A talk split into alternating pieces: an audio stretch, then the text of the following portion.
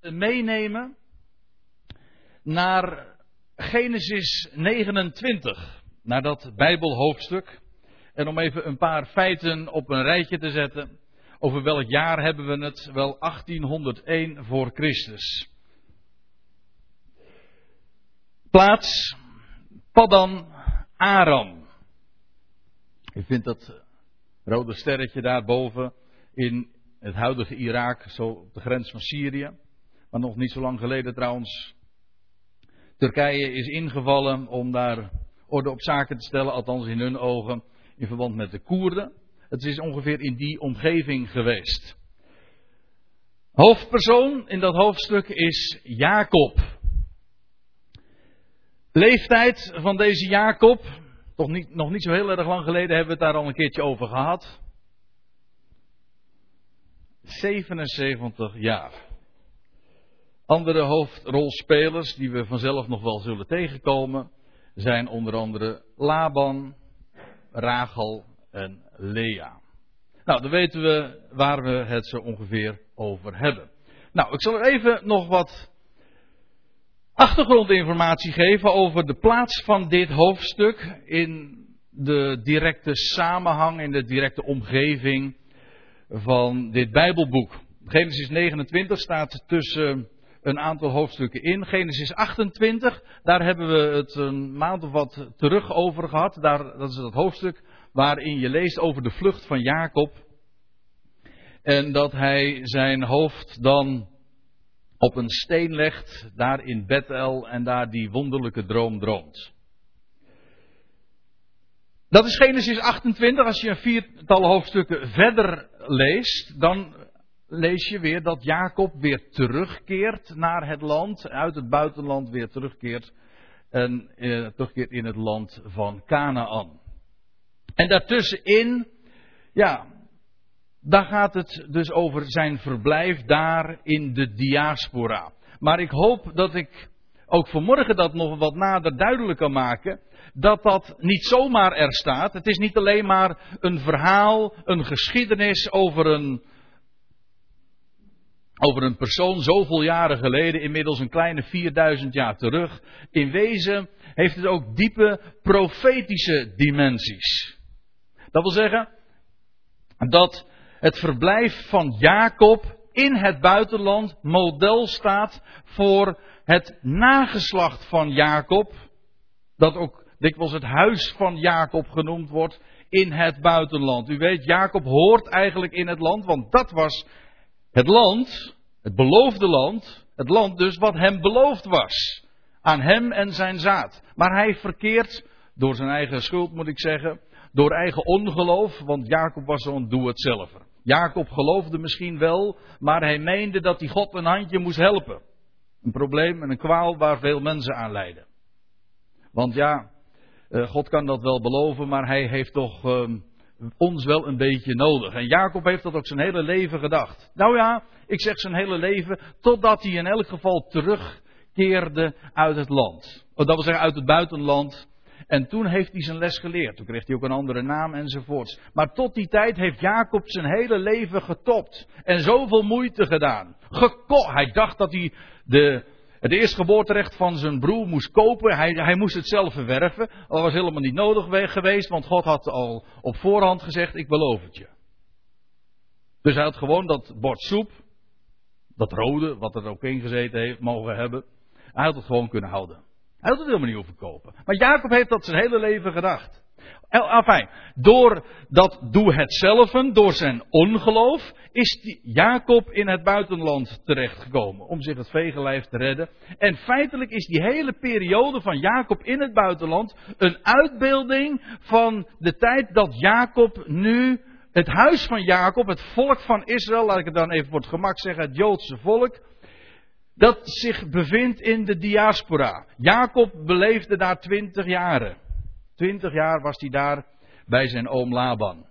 Maar die twintig jaar staan feitelijk model voor twintig eeuwen. Of voor 2000 jaren. Iedere keer komt dat getal 2 weer naar voren. Je vindt wel meer bijbelse beelden daarvan. Of twee jaar gevangenschap. Later van Jozef lees je dat ook. Paulus was twee jaar gevangen. Enfin, dat is een, eh, een verhaal apart. Maar het gaat er maar eventjes om dat die twintig jaren dat Jacob daar in het buitenland vertoefde, model staan voor de tijd dat Jacob, het huis van Jacob, het Joodse volk, in de diaspora, in de verstrooiing verblijft. Dat blijkt op nog een hele frappante wijze. Want als Jacob vertrekt, dan lees je in Genesis 28, in vers 11. En hij bereikte een plaats, later blijkt die plaats dus Bethel te gaan heten. En hij bereikte een plaats waar hij bleef overnachten. En dan staat er, omdat de zon ondergegaan was. Maar nu moeten ze opletten wat er staat. Wanneer hij, dat is inmiddels Genesis 32, als hij weer terugkomt. Als Jacob weer terugkeert naar het land, wat staat er dan? In Genesis 32, vers 31. En de zon ging over hem op. Toen hij door Penuel, dat wil zeggen door Pniel getrokken was. En hij ging mank aan zijn heup.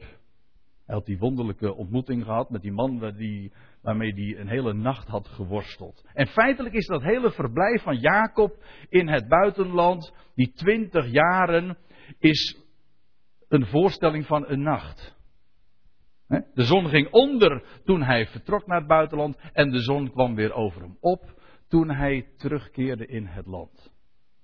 En daarmee is het hele verblijf van Jacob in het buitenland de nacht. En dat is ook heel typerend, want de tijd waarin wij nu leven, de, de 20 eeuwen die inmiddels zo grotendeels achter ons liggen. En er gaan grote dingen in de nabije toekomst gebeuren, dat kan niet missen. Maar die 20 eeuwen die achter ons liggen, die worden in de Bijbel ook voorgesteld als de nacht. Heer Jezus zei het al in de Evangelie: zolang ik in de wereld ben, ben ik het licht der wereld. De nacht komt. U kunt dat lezen in Johannes 9. Zolang ik in de wereld ben, ben ik het licht van de wereld. Maar de nacht komt. Dat wil zeggen, als ik er niet meer zal zijn, hier lijfelijk op aarde. Dat is de nacht. Wel, dat is een verblijf, dat is of een tijd, laat ik het zo zeggen, een tijd van twintig jaar, of zo u wilt, van twintig eeuwen.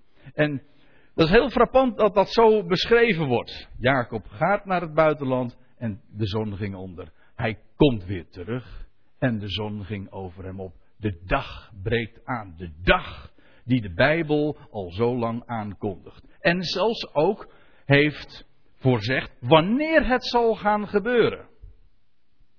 Want je leest trouwens nog bij die gelegenheid dat Jacob. Hij krijgt een andere naam. Jacob heet niet, voortaan niet meer Jacob. Jacob is eigenlijk ook de naam van een ongelovig Israël. Iemand die, die misschien wel geloofde in God, maar die altijd dacht dat hij God moest helpen. Die toch altijd het, dat geloof en die genade meende te moeten compenseren door werken. En dat maakte ook dat hij die naam Jacob kreeg. Daar zit ook een positieve dimensie nog in, want Jacob betekent hielenlichter. Dat heeft een negatieve betekenis, hè? bij ons nog steeds.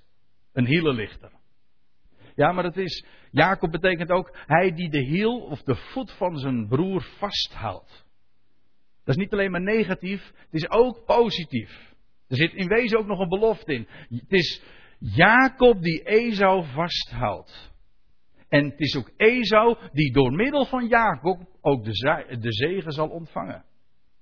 Afijn, Jacob wordt bij die gelegenheid, als hij weer terugkeert in het land, zo op de grens, dat hij die, in die nacht dus, dat hij worstelt met die man, dat hij het aangezicht van God ziet, want die plaats gaat zo vervolgens ook heten, aangezicht Gods, Pniel, betekent aangezicht van God. Als, in die nacht krijgt hij een andere naam, Israël, vorst van God, betekent die naam. En dat is trouwens ook nog zo eigenaardig, want dat vindt plaats bij een riviertje dat heette de Jabbok. Dat is een omkering, hè? Ziet u? Waarbij kop, bok, dat is een omkering. De omkering van Jacob bij de Jabbok. De bekering van Jacob. Daar waar hij een andere naam krijgt. Daar waar Jacob leert dat het niet meer op zijn eigen krachten moet vertrouwen en ook inderdaad gezien heeft dat het daar totaal niet van afhankelijk is. Hij, vanaf die dag is hij ook, gaat hij ook hang, mank aan zijn heup. Hij, heeft hij moet het niet meer hebben van zijn eigen kracht, maar hij had inmiddels na zoveel jaren zijn les geleerd. Ja. Goed. We gaan nu even naar Genesis 29, specifiek. En ik wil u twee scènes uit dat hoofdstuk eens wat, wat nader laten zien. Er staan er meer in. Eigenlijk, ja, het loopt ook door in Genesis. De, eh, de grens tussen Genesis 29 en 30 is nogal vloeiend. Maar ik wil u twee scènes, twee taferelen, twee bedrijven, om het in eh, toneeltermen te zeggen, wil ik u eens voor de aandacht plaatsen. En die eerste scène, dat vind je meteen al in Genesis 29. Als Jacob dan vertrokken is uit, uh, uit Bethel, dan lees je in vers 1 van Genesis 29. En Jacob begaf zich op weg. Ik lees zo wat hapsnap uit het hoofdstuk. Om er uh, ook een klein beetje de vaart in te houden. Om het ook te zien in zijn verband. En niet te veel in de details te treden. Jacob begaf zich op weg. En dan staat er in vers 2. En toen hij rondkeek, zag hij een put in het veld. En zie, drie kudden kleinvee waren daarbij gelegerd. Want men placht de kudden uit die put te drinken. De steen op de opening van de put was groot. De steen was groot. Hou hem even vast, we komen erop terug. Dan staat er in vers 3, als alle kudden daar bijeengedreven waren, wentelde men de steen van de opening van de put en drenkte het vee. Dat wil zeggen, als al die kudden bij elkaar gekomen waren en die herders dus ook bijeen waren, dan kon men die grote steen vervolgens uh, van die put halen en kon men uh, de kudde laten drinken. En dan staat er in vers 4, en Jacob zeide tot die herders, die die daar ontmoet, kent gij ook Laban, de zoon van Nahor? En ze zeiden ja. En vervolgens zeide hij tot hen: Gaat het hem wel? En ze zeiden: Ja, maar zie, daar komt zijn dochter Rachel aan met het kleinvee. En toen zeide hij: Dat is Jacob. Zie, het is nog volop dag. Eigenlijk staat er: het, De dag is nog groot. Het was gewoon het begin van de dag. Dat is eigenlijk wat er, eh, wat er staat. De dag is nog groot. Begin van de dag. Uh, het is nog geen tijd dat de kudde bijeengedreven wordt. Drenkt het vee en gaat het weer weiden. Maar ze zeiden, dat kunnen wij niet, voordat al die kudden bijeengedreven zijn, want dan wentelt men de steen van de opening van de put en dan drenken we het vee. Er is gewoon onvoldoende mankracht om dat te doen. Zodra Jacob Rachel, de dochter van Laban, de broer van zijn moeder, zag, en het kleinvee van Laban, de broeder van zijn moeder, trad Jacob toe. Dat is mooi hoor. Want wij hebben altijd het idee van de Jacob. Ja, bovendien 77. Leeftijden lagen toen wat anders dan dat dat in onze dagen is. Maar ik bedoel, men werd eh, veel ouder dan dat, uh, dat mensen tegenwoordig worden. Maar neem niet weg, uh, wij hebben toch ook sowieso het idee al van de Jacob, dat was een beetje een huiselijk man. En nou ja, dat stelt allemaal niet zoveel voor. En dat kan best waar wezen, maar moet eens opletten wat er hier gebeurt. Dan staat er, op het moment dat Jacob Rachel ziet, dan vindt er echt een wonder plaats. Want trad Jacob toe, hij wentelde de steen van de opening van de put. En drenkte het vee van Laban, de broer van zijn moeder. Dan gaan we eventjes inzoomen. De steen wordt weggewenteld. En daar wil ik een paar bijzonderheden over zeggen. Kijk, waar is die steen nou een beeld van? Die weggewentelde steen. Nou, precies waar mijn broer Dirk het zojuist ook al even over had. En waar de hele Bijbelse boodschap om gecentreerd staat. Heel de Bijbelse boodschap is gebaseerd op één machtig feit, namelijk dat twintig eeuwen terug de steen werd weggewenteld. Het is een type van, ja, de bron van levend water, maar dan kun je zeggen van, ja, die bron van levend water, dat is een beeld van het woord van God. Dat is waar. Maar het is, waarom is het de, die, die, zijn die schriften een, een bron van levend water? Wel omdat die schriften getuigen vanaf de eerste tot de laatste bladzijde van iemand die de dood overwon. En die de garantie is van dat de dood eens volkomen teniet gedaan zal worden. Dat is de Bijbelse boodschap. Dat is de, het blijde nieuws, of zoals ik graag placht te zeggen, dat is het goede bericht, de essentie van alles.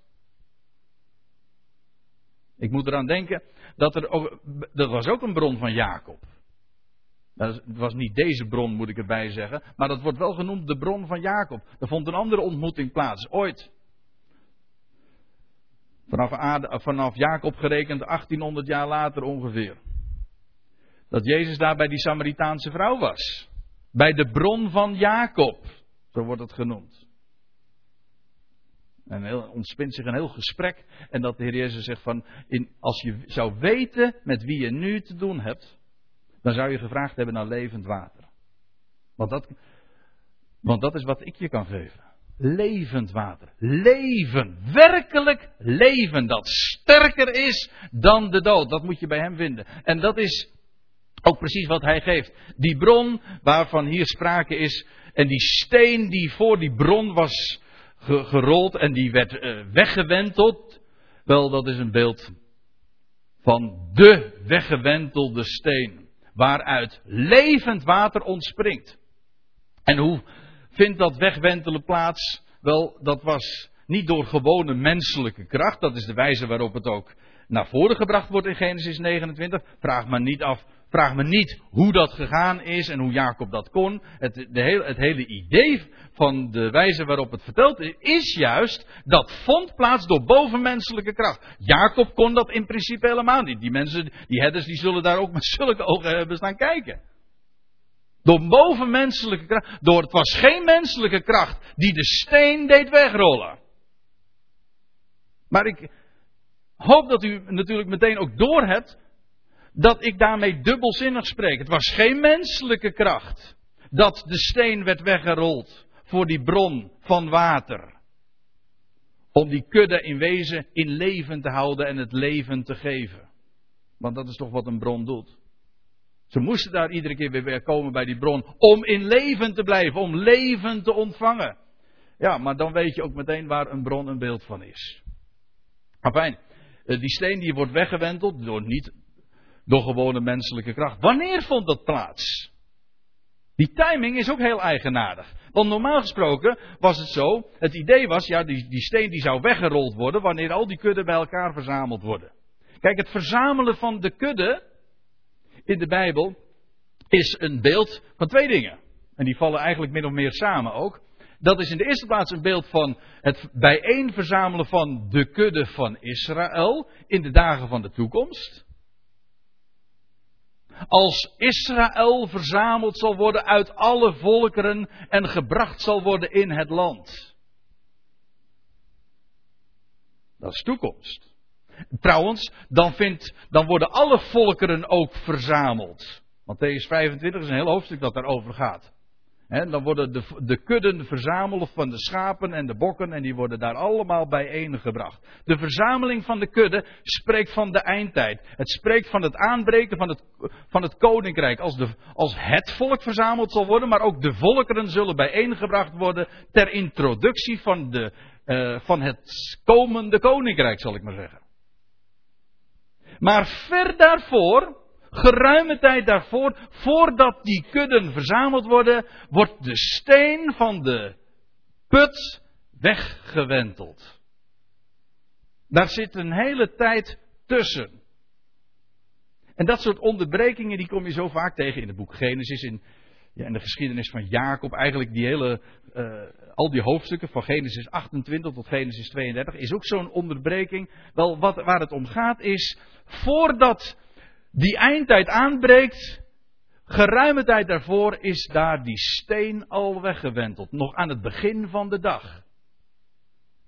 Hebt u? Begin van de dag. Vroeg in de morgen werd de steen door bovenmenselijke kracht weggewenteld. En nu reeds kan er geput worden en gedrenkt worden uit die bron. Weliswaar, de kudde moeten nog verzameld worden. Het is eigenlijk nog niet de tijd ervoor dat er massaal gebruik van gemaakt wordt. Maar neem niet weg, dat is precies waar we het al eh, bij de opening ook van de bijeenkomst hadden. of mijn broer Dirk die vertelde daar het een en ander over. Ja, wij zijn eerstelingen. De kudde die moeten nog bijeengebracht worden. Maar nu is er reeds, is die, die put, is die vrij beschikbaar. Er kan gedrink, gedronken worden uit die bron van levend water. Terwijl het de tijd dat al die kudde daaruit zullen drinken, die moet nog komen. Dat is een beeld van de eindtijd. Maar de steen is al weggewenteld. En ieder die wil, en voor ieder die de ogen geopend worden, wel, die bron is beschikbaar. Daar heb ik nog iets over te vertellen. Want waarom werd nou die bron uh, Waarom werd de, de, bedekking van die bron weggenomen? Waarom werd die steen weggewend? Hoe kon Jacob dat zo doen? Wel, zodra Jacob Rachel zag, dan lees je, hij trad toe tot die bron en hij wentelt die steen door wonderlijke kracht zo van de bron vandaan. Zo van de, de steen wordt weggewenteld van die put. Voor Rachel, de toekomstige bruid. Waarmee ik eigenlijk ook al aangeef dat Rachel een beeld is van dat toekomstige Israël, de bruid. De geliefde bruid. En het is ten behoeve van dat volk in de eerste plaats dat de steen werd weggewenteld. En moet u dat maar eens opletten, moet u maar eens opletten in het boek eh, Handelingen, dan vind je dat op allerlei wijzen dat dat naar voren gebracht wordt. Ik wil één schriftplaats noemen, in Handelingen 3. Daar staat Petrus op het tempelplein. En dan spreekt hij ook die mannen van Israël toe en dan zegt hij, dat is het slot van zijn toespraak, God heeft in de eerste plaats voor u. En dan gaat het over Israël, die mannen van Israël, het volk van Israël. God heeft in de eerste plaats voor u zijn knecht doen opstaan en hem tot u gezonden om u te zegenen. Nou ja, u weet, daar is ook een onderbreking gekomen in die geschiedenis, want Israël heeft niet geloofd, daar komen we straks nog op terug. Maar neem niet weg, God heeft in de eerste plaats voor dat volk Israël zijn, zijn zoon doen opstaan. Die steen die werd weggewenteld, waarom? Wel, het was in de eerste plaats ten behoeve van Rachel. Een beeld van Israël, de toekomstige bruid. Goed. We gaan naar de volgende scène toe. Scène 2. In Genesis 29. Ik heb er boven gezet. Zie, het was Lea. Laten we eerst die geschiedenis eens lezen. Ook weer een beetje hapsnap. Ik neem een paar uh, versen daaruit en soms sla ik een, klein gedeelte daaruit over. Om bij de kloe te blijven. Maar dan staat er in vers 15: En Laban zeide tot Jacob: Zoudt gij, omdat gij mijn bloedverwant zijt, mij dienen om niets? Dat we zeggen voor niks.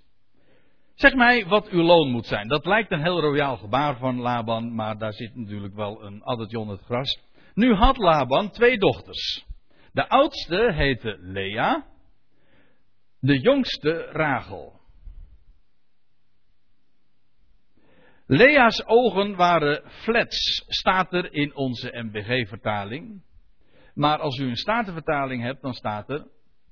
Lea's ogen waren teder. Ja, of teer. Ja, het hangt er vanaf welke versie je dan weer van de Statenvertaling hebt. Letterlijk staat er, zo, uh, ze waren zacht. Dat in de NBG-vertaling heeft men het negatief opgevat. Zo van Lea's ogen waren flats, ze had geen mooie ogen. Ik lees het anders. Ze waren gewoon inderdaad niet flats, dat is een interpretatie. Ze waren teder, ze waren zacht. Het idee is, Lea's ogen waren teder. Maar Rachel was schoon van gestalte en schoon van uiterlijk. Dat wil zeggen, Lea moest het alleen maar van haar ogen hebben.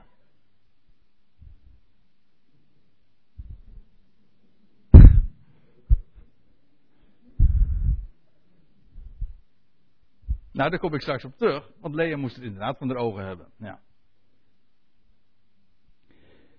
Vers 18. En Ra Jacob had Rachel lief. Ging toch voor het uiterlijk, hè? Dat, denk ik dan. Ik weet niet of dat geweest is, maar Jacob had Rachel lief. En daarom zeide hij: Ik wil u, zegt hij tegen eh, Laban, ik wil u zeven jaren dienen om uw jongste dochter Rachel. Zeven jaren. Een jaarweek. Zo wordt het in de Bijbel genoemd. Er is zelfs een heel hoofdstuk dat daarover gaat, over, een jaar, over jaarweken. Ook dat reserveer ik nog eventjes voor een later ogenblik in deze samenkomst. Maar Jacob had Rachel lief, daarom zeide ik wil u zeven jaar dienen om uw jongste dochter Rachel. En Laban zeide, nou het is beter dat ik haar aan u geef dan dat ik haar aan een andere man geef. Blijf bij mij. Geen ja en geen nee. Het suggereert zo van, ja ik ga ermee akkoord, maar hij zegt het niet, want Laban had een heel ander idee.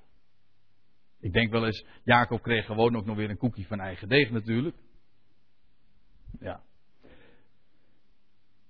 Derhalve diende Jacob zeven jaren om Rachel. En, dat is mooi. En die waren in zijn ogen als enkele dagen. Omdat hij haar lief had. De Engelsen zeggen: Time flies when you have fun. Hè? En dat was voor Jacob ook zo. Dat is een beetje een platvloerse versie. Maar Jacob had, eh, had haar lief. En dan verandert alles. Dan verandert ook je tijdbeleving. Je hele perceptie trouwens van dingen verandert wanneer je gedreven wordt door liefde. Wanneer je, wanneer je vreugde kent, dan onderga je de dingen, ook al zijn ze zwaar en al zijn ze langdurig, en dan moet je dan uh, hard werken enzovoort. Het, het maakt allemaal niet uit. Ze waren, in, in Jacobs ogen waren, was die week van jaren eigenlijk een week van dagen. Het, het was als enkele dagen. Dat zie je trouwens hier in, in dit hoofdstuk trouwens toch. Een week is nogal een beetje een dubbelzinnig begrip, omdat soms is een week, uh, daar wordt ermee bedoeld een week van dagen, en soms wordt ermee bedoeld een week van jaren. Maar die dubbelzinnigheid van dat woord week, wordt juist, daar zit opzet achter. Het gaat er namelijk om, om de diepere laag daar, daaronder. En dan blijkt dus dat die een week verwijst naar een andere week. Klinkt nu nog een beetje cryptisch, maar kom er nog op terug. In elk geval, Jacob die had Rachel lief en hij moest zeven jaren dienen. Het kon hem helemaal niks schelen, het was er maar een paar dagen voor hem, want hij ging daar helemaal voor. En als je hoop hebt, dan maakt het allemaal niet uit dat je, want dan is zeven jaar niks. Ik moet eraan denken, eventjes een, eh, een tussendoortje, maar dat je, van Paulus lees je dat hij, nou, die heeft toch heel wat meegemaakt in zijn leven, heeft er onder enorme druk gestaan en nou ja, je leest in, in zijn brieven en in het boek Handelingen toch heel wat van zijn ervaringen. En je denkt wel eens, hoe heeft die man het uitgehouden? Maar dan lees je in 2 Korinthe 4 dat hij spreekt over de lichte last van verdrukking van een ogenblik. Dus tientallen jaren van zoveel druk, zoveel moeite, zoveel strijd. Paulus zegt, Paulus had een heel andere perceptie, een heel andere waarneming, een heel andere tijdsbeleving. Hij zegt het is een lichte last van verdrukking van een ogenblik. Ja, hoe kan je zo de dingen relativeren? Ja, dat hangt er nou maar net vanaf waar tegen je het afzet. Want Paulus noemt het een lichte last van verdrukking van een ogenblik, omdat hij het plaatst tegenover dat eeuwig gewicht dat van heerlijkheid in de toekomst. Dat, dat die heerlijkheid van de toekomende ionen en onvergankelijke heerlijkheid. Als je daar tegen afzet, dan, ja, dan kun je zeggen van ja, die lichte last van verdrukking, al duurt het tientallen jaren, het is een ogenblik. Het is dit. Nou, zo was het voor Jacob ook. Zeven jaar, het was in zijn ogen als enkele dagen, omdat hij haar lief had. En dat verandert alles. Goed. Ik lees even verder. Daarna zeide Jacob tot Laban: Geef mij mijn vrouw, want mijn tijd is om. Ja, het is, nu, het is nou mooi geweest. Zeven jaar heb ik gewerkt, opdat ik tot haar komen. En Laban vergaderde al de mannen van die plaats en hij richtte een maaltijd aan. Dat wil zeggen, hier wordt de trouwerij geregeld. Want dat is wat een trouwerij is. Dat is gewoon een bruiloft. En daar moeten getuigen bij zijn. Dus vandaar ook dat de mannen van die plaats allemaal uitgenodigd worden. En er wordt bovendien een feestmaaltijd uh, georganiseerd. Sterker nog, er wordt een hele week voor uitgetrokken. Want wij denken wel eens een keertje dat wij feesten kunnen, misschien. Maar toen konden ze er ook wat van hoor. Als daar een bruiloft gevierd werd, trok men daar een week voor uit. De bruiloftsweek. Ja. Ja, je leest dat bij eh, meerdere gelegenheden. In de geschiedenis van Jacob, hier dus. Maar je leest het ook bij Simson. Dan lees je ook over een week. Dat daar een feest gevierd werd. Want ja, er is wat te vieren. Nou, uh, zit daar hier in dit geval natuurlijk wel duidelijk een andere onder het gras. Want wat gebeurt er? Vers 23. Des avonds echter nam hij, dat is Laban dus, zijn dochter Lea en hij bracht haar tot hem, Jacob, en hij kwam tot haar. Dat is de huwelijksnacht dus. Dus Jacob heeft gewerkt voor Rachel, zeven jaar lang. Maar in de avond brengt Laban Lea tot Jacob. En Jacob heeft niets in de gaten. Jacob heeft het domweg niet door. Dat, is, uh, dat blijft natuurlijk na zoveel eeuwen toch erg bevreemdend. En uh, de, de verklaringen daarvoor, die, uh, die kun je gewoon opstapelen. Want er zijn verschillende verklaringen. Hoe dat toch in vredesnaam mogelijk is. De eerste verklaring die natuurlijk nu bij u opkomt is van nou daar zal flink gedronken zijn zodat Jacob dat helemaal niet meer in de gaten gehad heeft. Een boerika, ja, een boerika, hoor ik. Nou, dat is helemaal niet zo'n gekke verklaring hoor. Dat is, wordt inderdaad opgegeven dat inderdaad het aangezicht uh, onbedekt is gebleven. En dat Jacob om die reden al helemaal. Het was bovendien donker natuurlijk. Hè. Geen lantaarnpalen. Ja. Nou, daar kun je natuurlijk. Daar, kun je, daar zou je een hele conferentie over kunnen houden. Over wat hier plaatsvond. Maar het gaat er maar eventjes om dat hier Jacob natuurlijk vreselijk bedrogen wordt. En Jacob dacht, hij zal echt niet gedacht hebben van hoe, waarom moet mij dit nou weer overkomen, want ik ben toch altijd zo eerlijk geweest in mijn leven. Nee, nou, laten we even doorlezen. Maar des morgens, zie, het was Lea. En die zin staat eigenlijk tot op de dag van vandaag voor velen model voor ja, de desillusie die het leven zo op kan leveren. Niet alleen het huwelijk hoor. Zo van dat je ja, je, je, denkt met iemand te trouwen en dan kom je er uh, na de huwelijksdag erachter dat het toch een heel ander blijkt te zijn dat jij altijd gedacht had. Bij, voor Jacob was het in ieder geval letterlijk zo. Maar in figuurlijke zin denk, waarom lacht u nou allemaal zo? Herkent u dit of zo? Wie wil er hier naar voren komen om even zijn of haar verhaal te vertellen? Wie heeft zo'n zie het was Lea ervaring hier? Dat kan trouwens, hoeft helemaal niet specifiek op het huwelijk betrekking te hebben, want zo'n zie het was Lea ervaring, dat kan ook zich voordoen in verband met je werk. Je had er zulke verwachtingen van en dat je dan uiteindelijk toch de conclusie moet trekken, ach, wat een onnuchtering, wat een tegenvaller. Zie het was Lea. Of, wat? Ja, precies, ja. Dat wel mooie ogen. Enfin, we lezen even door. Want je kunt dat natuurlijk heel erg uh, uitgebreid gaan psychologiseren en over wat een desillusie met een mensenleven kan doen. En hoe teleurstelling en frustratie je hele leven kan ver, verwonden. En Jacob heeft natuurlijk ook zijn hele leven, dat moet ik er ook nog bij zeggen, heeft daar natuurlijk ook de vruchten van geplukt. Van deze hele ervaring, want ja, Jacob had, dacht Rachel te krijgen en daar had hij uh, meer dan genoeg aan, maar hij kreeg Lea en, nou ja, enzovoort. Uh, er kwamen nog meer vrouwen in het spel en je zou zeggen van nou dat moet toch het, het ideaal voor een man zijn als je meerdere vrouwen tot je beschikking hebt. Hè? Maar dat is heel grappig in de Bijbel. Wat, wie wilde wat zeggen? In de Bijbel vind, vind, je geen veroordeling van dat verschijnsel, hè, van polygamie. Ik moet erbij zeggen, van den begin is het niet zo geweest. Een man zal zijn vader en moeder verlaten en zijn vrouw aanhouden, niet zijn vrouwen. En de voorbeelden die ik in de Bijbel ook lees van een man die meerdere vrouwen heeft, is stuk voor stuk, ik kan, kan geen uitzondering eh, daar in de Bijbel vinden, is altijd ellende. En anders had u, zou u het eens moeten vragen aan Jacobs grootvader.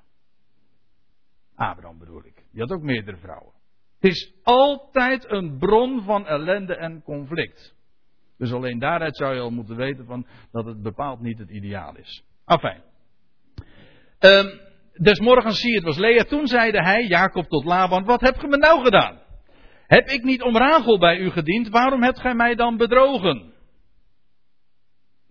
Daarop zei de Laban, zo doet men hier te plaatsen, dat men de jongste ten huwelijk geeft voor de eerstgeborene. Ja, nou of dat een excuus is geweest, of dat dat een, uh, gewoon een, puur een smoes bedoel ik, of dat het op waarheid berustte, dat laten we maar helemaal in het midden. In elk geval, uh, Laban geeft een ander voorstel. Hij zegt, breng de bruiloftsweek met deze ten einde. En dan zal u ook de andere gegeven worden, Rachel, voor de dienst waarmee gij nog eens zeven jaren bij mij dienen zult. Dat wil zeggen, je krijgt Rachel wel, maar dan moet je nog een keertje zeven jaar dienen. Ik zeg trouwens niet, dat is een misverstand, dat Jacob eerst nog eens zeven jaar moest werken alvorens Rachel te krijgen. Hij kreeg meteen na de bruiloftsweek ook Rachel, maar met de restrictie dat hij eerst nog, dat hij vervolgens wel zeven jaar nog voor haar moest werken. Net zo goed als dat hij zeven jaar voor zijn eerste bruid, zeg maar, heeft moeten werken, moest hij dat ook zeven jaar voor zijn volgende bruid. Afijn, Jacob deed zo, staat er dan in vers 28. Zo bracht hij de bruiloftsweek met haar ten einde en daarop gaf hij, Jacob, Laban, hem zijn dochter Rachel tot, tot vrouw. Jacob kwam ook tot Rachel en hij had Rachel lief. In tegenstelling met Lea, al dus diende hij bij hem nog eens zeven jaren. Ja. En dan ga je je toch wat vragen stellen. Want tot dusver heb ik natuurlijk zo in, tijdens het lezen van dit gedeelte wat opmerkingen gemaakt. Hè, en over ja, hoe dat dan in zijn werk gegaan zal zijn. Maar u begrijpt natuurlijk toch ook wel. En dat voel je op je klompen aan als je eenmaal de schrift enigszins hebt leren kennen. Van dat hier toch een diepere zin in gelegen moet zijn. Sommige mensen die denken al dat het al heel diepzinnig is wanneer je er allerlei psychologische praat aan vastknoopt. Maar dat ben ik er helemaal niet mee eens. Want heel de schrift spreekt over veel grotere dingen. Het gaat het niet om de mens. Ook niet over onze desillusies en over onze verwachtingen in het leven. Het gaat om Hem. En om Hem alleen. En om zijn werk. En dat zie je ook in zo'n geschiedenis vermeld. Kijk, van, eh, als u dat leest in Galaten 4. Paulus is daar aan het woord en, en dan dan spreekt hij, dan gaat hij ook zo'n geschiedenis uit het boek Genesis aanhalen. Trouwens ook over twee vrouwen, over Sarah en Hagar. En terwijl hij de geschiedenis vertelt, en dan vertelt hij wat over de betekenis van die naam enzovoort, en dan zegt hij, zie, hierin is een diepere zin gelegen. En dan gaat hij geweldige perspectieven openen, gewoon aan de hand van een geschiedenis, een verhaal over twee vrouwen. Hagar en Sarah in dat geval. Maar dat is hier ook het geval. Ook hier eh, is direct van toepassing. Op voorhand trouwens al. Dat zeg ik niet alleen achteraf omdat ik inmiddels weet van hoe het zit. En de dingen, allerlei dingen daarover heb ontdekt. Ik ben er trouwens van overtuigd. Het is nog maar een, een tipje van de sluier. Die boerka weet je wel. Uh, die tipje van de sluier is opgelicht. Dat weet ik wel. Er zit nog veel meer in. Maar je, hier je weet gewoon, hierin is een diepere zin gelegen. Kijk, laat ik dan meteen eens uh, afsteken naar het diepe. We hadden het over jaarweken. Die, die zeven jaren. In Daniel 9, het is een, alweer een aantal jaren geleden dat, ik, uh, dat we een goed berichtbijeenkomst hebben georganiseerd. Dat was in Rijnsburg. Een studiedag hebben we toen belegd over over Daniel 9, over de 70 jaarweken. Een schitterend hoofdstuk, dat wel eens is genoemd terecht de ruggengraat van de Bijbelse profetie. In Daniel 9 vinden we een profetie van, daar gaat er wordt gesproken over 70 jaarweken die over het volk voor Israël bepaald zijn. En die 70 jaarweken die zouden eindigen in het koninkrijk van de Messias. En het gaat daarbij over 70 jaarweken, dat wil zeggen over 70 keer 7 jaar. Een jaarweek is 7 jaar, dus 70 jaarweken zijn 70 maal 7. Dat vind je veel vaker in de Bijbel trouwens hoor. 7 maal 7, maar ook 70 maal 7. Over liedjes van Ellie en Rickert gesproken trouwens. Tot 7 maal 70 maal. Hè. Enfin, die 409 die 490 jaar, die worden daar in, in Daniel 9 besproken. En dat begint dan te tellen in 457 voor Christus. Nou, dat jaartal wordt trouwens niet genoemd, er wordt iets anders gezegd. Die, die 70 jaarweken, die zouden aanvangen vanaf het ogenblik dat het woord uitging, ik citeer nu letterlijk, vanaf het ogenblik dat het woord uitging om Jeruzalem te herstellen. Dat wil zeggen, vanaf de start van de herbouw van de stad, gingen de 70 jaarweken van start. Nou, daar is een, gewoon met eh, grote exactheid een jaartal voor te prikken. Dat was het jaar 457 voor Christus. Zowel bijbelse bronnen als buitenbijbelse bronnen. Maar laten we ons even gewoon beperken tot de schrift. 457 voor Christus. Nou reken je 490 jaar verder. En dan kom je vervolgens aan in het jaar, nou reken maar uit hoor, dan kom je uit in het jaar 33. En speciale aandacht wordt in die profetie van Daniel 9 gegeven aan die laatste jaarweek. Moet u zich voorstellen, zoveel eeuwen van tevoren wordt er niet alleen maar gezegd dat de Messias zou komen. Dat, die uitdrukking de Messias vind je ook in Daniel 9. De gezalfde staat er in de MBG-vertaling. Maar er staat letterlijk de Mashiach. De Messias, die zal komen. Maar er wordt ook gezegd, niet alleen maar waar die geboren zal worden, vind je ook in de Bijbel. En hoe die geboren zal worden. En bij wat voor, onder wat voor omstandigheden. Maar er wordt ook gezegd wanneer dat zal zijn. Wanneer die Messias zou komen. Zoveel eeuwen van tevoren wordt er gezegd van 70 weken zijn bepaald. En in de dagen van Daniel was dat al, stond dat al vast. En dan begrijpt u ook waarom in de dagen van het Nieuwe Testament die verwachting ook zo hoog gespannen was dat het Messiaanse koninkrijk zou aanbreken. En dat er een vrouw in de tempel was en een man, een oudere man, Simeon, en, en hoe heet die? Hanna, Anna in de tempel, die verwachten de vertroosting van Israël. Want ja, de profeten die waren duidelijk. De tijd staat aan te breken. Men wist, duurt niet lang meer, die Messias die moet komen. En inderdaad, dat was gebaseerd op wat de schrift zei. Afijn, eh, in, die, in Daniel 9 vind je die laatste jaarweek vooral beschreven. Laten we nou even inzoomen op die laatste jaarweek.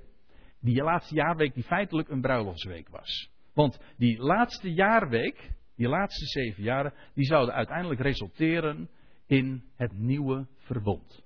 Het nieuwe huwelijksverbond.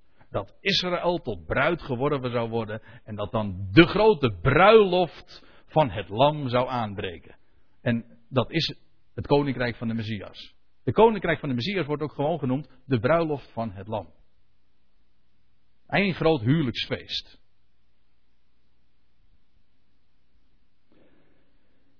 Enfin, die laatste jaarweek die vangt dus aan in het jaar 27. En dat jaar 27 van onze jaartelling, dat is het jaar dat de Heer Jezus gedoopt wordt. En ze begint met zijn publieke optreden. De Heer Jezus was toen 30 jaar. Als je drie jaar verder rekent, dan kom je dus in het jaar 30 uit. En dat is het jaar dat de Heer Jezus sterft en opstand, opstaat uit de doden. En nog een aantal jaren later, zodat je dus ziet dat deze laatste jaarweek onderverdeeld is in twee gelijke helften. Maar dan vind je de steniging van Stefanus. En dat is heel eigenaardig, want je zou zeggen, die laatste jaarweek eindigt in de komst van de Messias. En, en nou, ik moet het anders zeggen, in de komst van het Messiaanse Rijk. Het koninkrijk gaat aanbreken. Maar wat er in werkelijkheid gebeurde, was dat Stefanus gestenigd werd, officieel door het Sanhedrin en daarmee het volk van Israël afstand deed van de boodschap van de koning. Stefanus betekent trouwens kroon. Ze verwerpen de kroon, het koninkrijk. Nou, waarom zeg ik dit? Aan het einde van die 70ste jaarweek, als je gewoon recht toe recht aanrekent. Vanaf het ogenblik dat het die 70 jaren aanvangen, 70 jaar weken aanvangen, je rekent 490 jaar verder, waar eindigt het? In de steniging van Stefanus. De verwerping van het koninkrijk. Het verwachte koninkrijk breekt niet aan. Oftewel, zie het was Lea. Het was die desillusie. Men dacht dat die bruiloft, die, die, die geliefde bruid, die wordt deze, bij deze gelegenheid verworven, maar het blijkt anders te gaan. Zie, het was Lea. Die 70ste jaarweek die eindigt overigens wel in het koninkrijk hoor. Maar dan het verborgen koninkrijk. De koning is er, de Messias is er, de steen is weggewenteld. Maar het koninkrijk is niet openbaar geworden. Wat je vindt, wat, wat, er is nog iets eigenaardigs. Bij de steniging van Stefanus, als die 70 jaarweken eindigen, dat is precies ook het jaar, of bij de gelegenheid dat de figuur van Saulus, of die later Paulus dus werd, ten gevoerd wordt. De pauze. Want dat is wat de naam Paulus eigenlijk ook betekent. Ons woord pauze komt, is direct verwant aan het woord Paulus. Paul betekent stoppen, onderbreken. Onderbreking in de geschiedenis. Afijn. Ik weet niet wat voor associaties u allemaal maakt. Maakt ook allemaal niet uit. Maar we blijven even bij dit gedeelte. Nog iets anders. Het heeft te maken met die ballingschap van Israël. Want het is namelijk ook nog eens een keertje zo. Dat toen de, de, in het boek Handelingen. Dat het koninkrijk wordt afgewezen. Wel, het is ook de inleiding tot de ballingschap voor Israël. Israël, uh, in, in diezelfde generatie, is de stad verwoest. De tempel ging met, is helemaal verbrand en is, is helemaal met de grond gelijk gemaakt. En de Joodse natie is ten onder gegaan. En het volk is compleet in de verstrooiing geraakt. Twintig eeuwen lang. Officieel is die verstrooiing trouwens nog steeds niet ten einde. Afijn. Lea, die is een, um, Lea is een beeld van, van Israël in de tegenwoordige tijd. er is iets bijzonders. Het enige wat uh, aantrekkelijk is aan Lea, dat zijn die ogen. Die mooie ogen van haar, die zachte ogen. Lees maar gewoon verlichte ogen. Het was de desillusie na die jaarweek na die laatste bruiloftsweek in het verleden, toen die laatste zeven jaren van die 70 jaarweken, toen zou de bruiloft gaan, gaan aanbreken. Maar het was Lea. Dat wil zeggen, er was een, een deel van Israël dat wel verlichte ogen had. Dat wel zag wie de Messias is. Dat deel kreeg aan de heerlijkheid van de Messias. Jawel, maar het was nog niet waar het eigenlijk om ging. Want punt is, je hebt dus de figuur van Lea, je hebt de figuur van Rachel. Rachel, die komt ook in de picture. Maar voordat Rachel in de picture komt, moet die zeventigste week zich gaan herhalen. Want ik had het net over die 70ste jaarweek, die heeft in het verleden plaatsgevonden. Dat is ook zo. Maar eigenlijk moet die nog komen. Dat wil zeggen, de week, die laatste jaarweek, die zal zich gaan herhalen.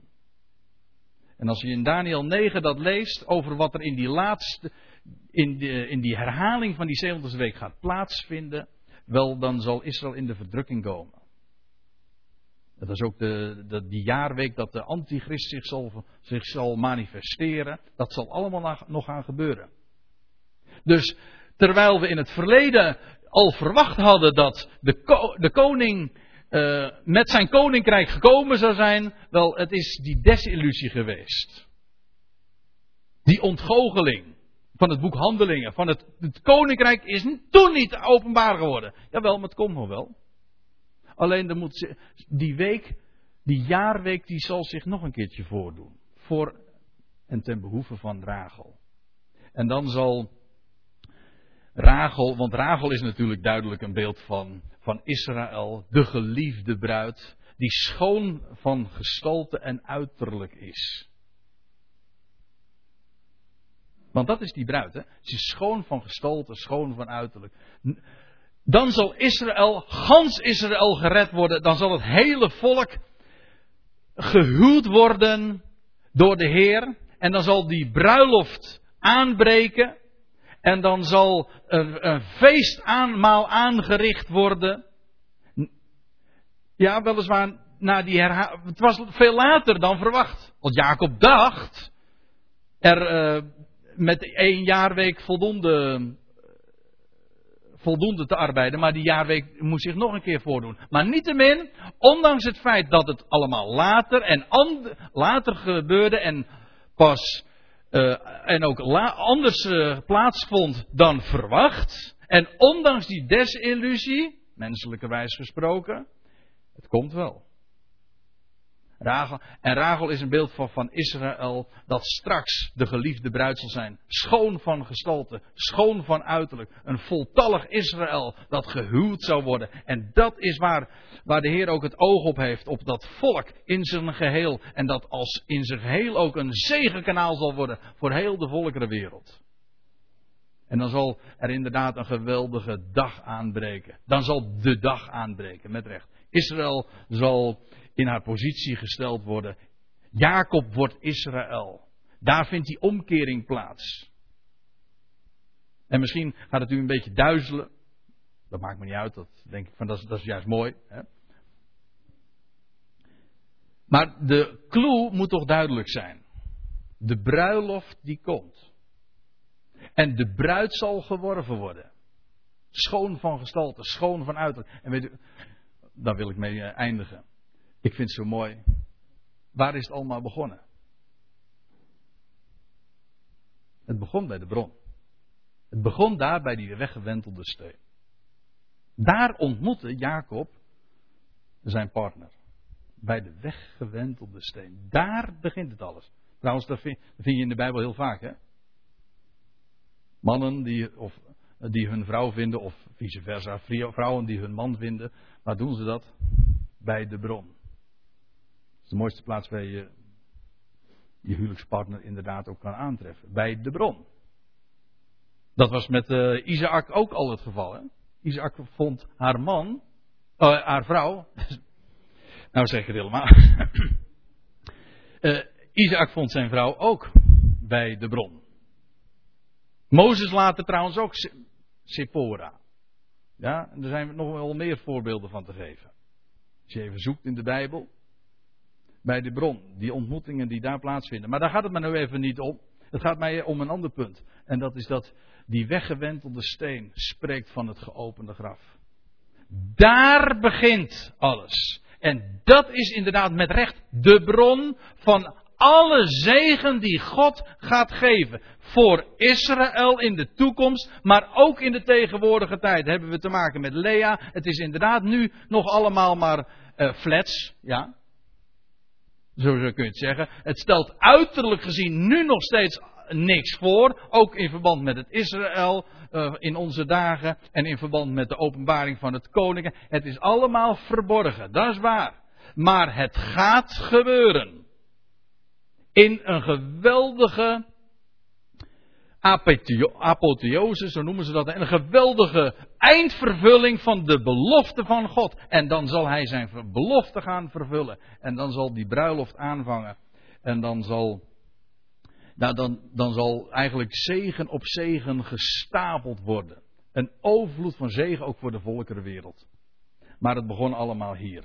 En daar wil ik, stel, daar wil ik graag ook een, een lied over zingen. u vindt er een plaatje bij. En als ik zo op het scherm kijk, dan ziet u niet eens wat daar staat. Ja, dat is uit de Garden Tomb in Jeruzalem. Als je daar komt, of dat de authentieke locatie is, dat is zeer de vraag, dat denk ik niet. Maar dat maakt het even niet uit. Maar als je daar dan in die, de graftuin komt, daar bij Jeruzalem. En dan, dan zie je daar zo'n geopend graf. Die, die, de steen is weggewenteld. En dan zie je daar in de deur: He is not here, for he is risen. En dat is het belangrijkste waar het om gaat. De steen is weggewenteld.